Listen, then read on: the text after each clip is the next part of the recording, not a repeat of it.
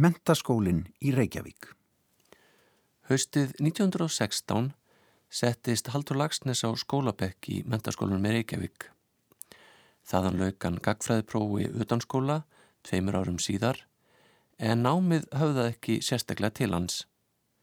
Hann sótti ynga tíma hjá kennurum sem þurftu hálpartinn að eldanum bæin til að halda honum að námsefninu. Því fór þó fjarrri að Haldur sæti með hendur í skauti frekar en fyrir daginn. Hann satt við skriftir og stritaðist við eins og nætti lífið að leysa.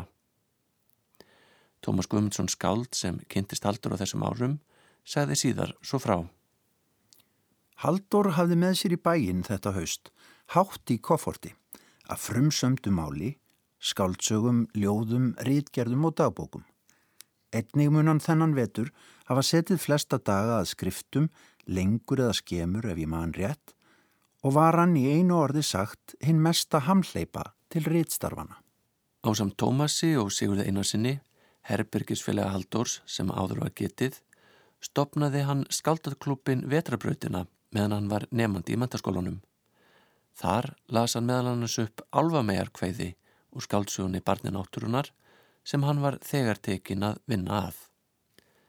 Eftir gagfræðuprófið haustið 1918 settist Haldur í fjórðabekk mentaskólans en hvarf frá námi snemma árs 1919. Þar með laug formlegri skólagöngu hans.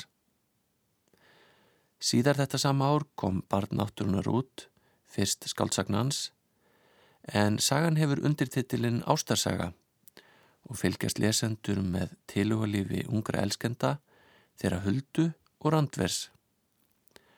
Hún er náttúrubart sem lifir samkvæmt ljóðlínunum Dáið er alltaf drauma og dabur heimurinn. Randver er hins vegar veraldarvanur heimsmaður sem snýr aftur til heimahagan í sveitinni til að gerast bóndi. Haldur endur nýjaði kynnin við þessa fyrstu útgefnu skáldsögu sína þegar hún var prentuða nýju árið 1964 og feldi þá um hann á dóm sem kann að koma ymsum lesendum hans á óvart. Þegar ég létt tilleiðast að renna augum yfir bókina í fyrsta sinn síðan ég senda hana frá mér 16 vetra gamall, þá uppgöta ég að þetta muni vera besta bók mín og liggja til þess þær orsakir að hún geymir óm benskunar. Þetta er hveðja mín til bensku dagana. Ég gekk enni stuttbuksum annan dindin meðan ég samti þessa bók og hafði einkennlegan kraga um hálsin og stórfurðulegt hálsbindi eftir smekk bráðþróska drengs sem hefur orðið hugfanginn af andlitsmyndum, mestu snillingaaldarinnar sem leið í mannkinsögunni og alfræði orðabókinni. Í þessum sama formála er líka að finna fróðlega lýsingu á vinnubröðum Haldurs. Þegar ég renni augum yfir þennan gamla unga teksta, þá berst mér endur skinn þeirra daga meðan enn var skrifað af innblæstri. Við hlustuðum aðeins á það sem hinn ókunni innblásari kvíslaði án þess að dirfast að draga út orðið að setningu önnur en augljós pennaglöp. Af virðingarsökum var setning á setningu ofan látin standa og allar heldu eins og sömu hugsun eða yngva.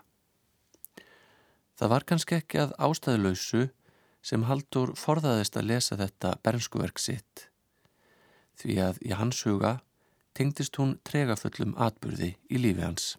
Fadir minn dóum það leiti sem barn náttúrunar var í prentun og burtkvæðning hans gerði mig afhuga bæði þeirri bók og öðrum um skeið. Ég las sem sé aldrei prófarkir af barni náttúrunar og var komin af landi burt áður en að bókin var full sett. Haldur fór eftir þetta til Danmörkur og verðist hafa ætlað að hasla sér völd sem reytvöndur og dönsku líkt og Gunnar Gunnarsson og Jóhann Sigurjónsson höfðu gert. Hann byrti smásögur í dönskun dagblöðum og þar fekk hann sín fyrstu reytlun ef markam á frásögn endurminningabókarinnar ungur í var. Á sama stað standa þessi orð. Heima á Íslandi varð móður mín aftur á móti að kosta stór fjöð til útgáfi barns náttúrunar og komst raunar ekki úr þeirri skuld fyrir en löngu síðar. Eftir dvölina í Danmörku gatt Haldur skrifa dönsku líta löst og þegar hann snýr aftur til Reykjavíkur er hann sildur, reynslunni ríkari. Hann er innan við tvítugt og er fengið útgefin verk á tveimur tungumálum sem hann hefur á valdi sínu. Hérðan frá MR gungum við upp á spítalastíg og kynnumst nú mjölkurfélagi heilara.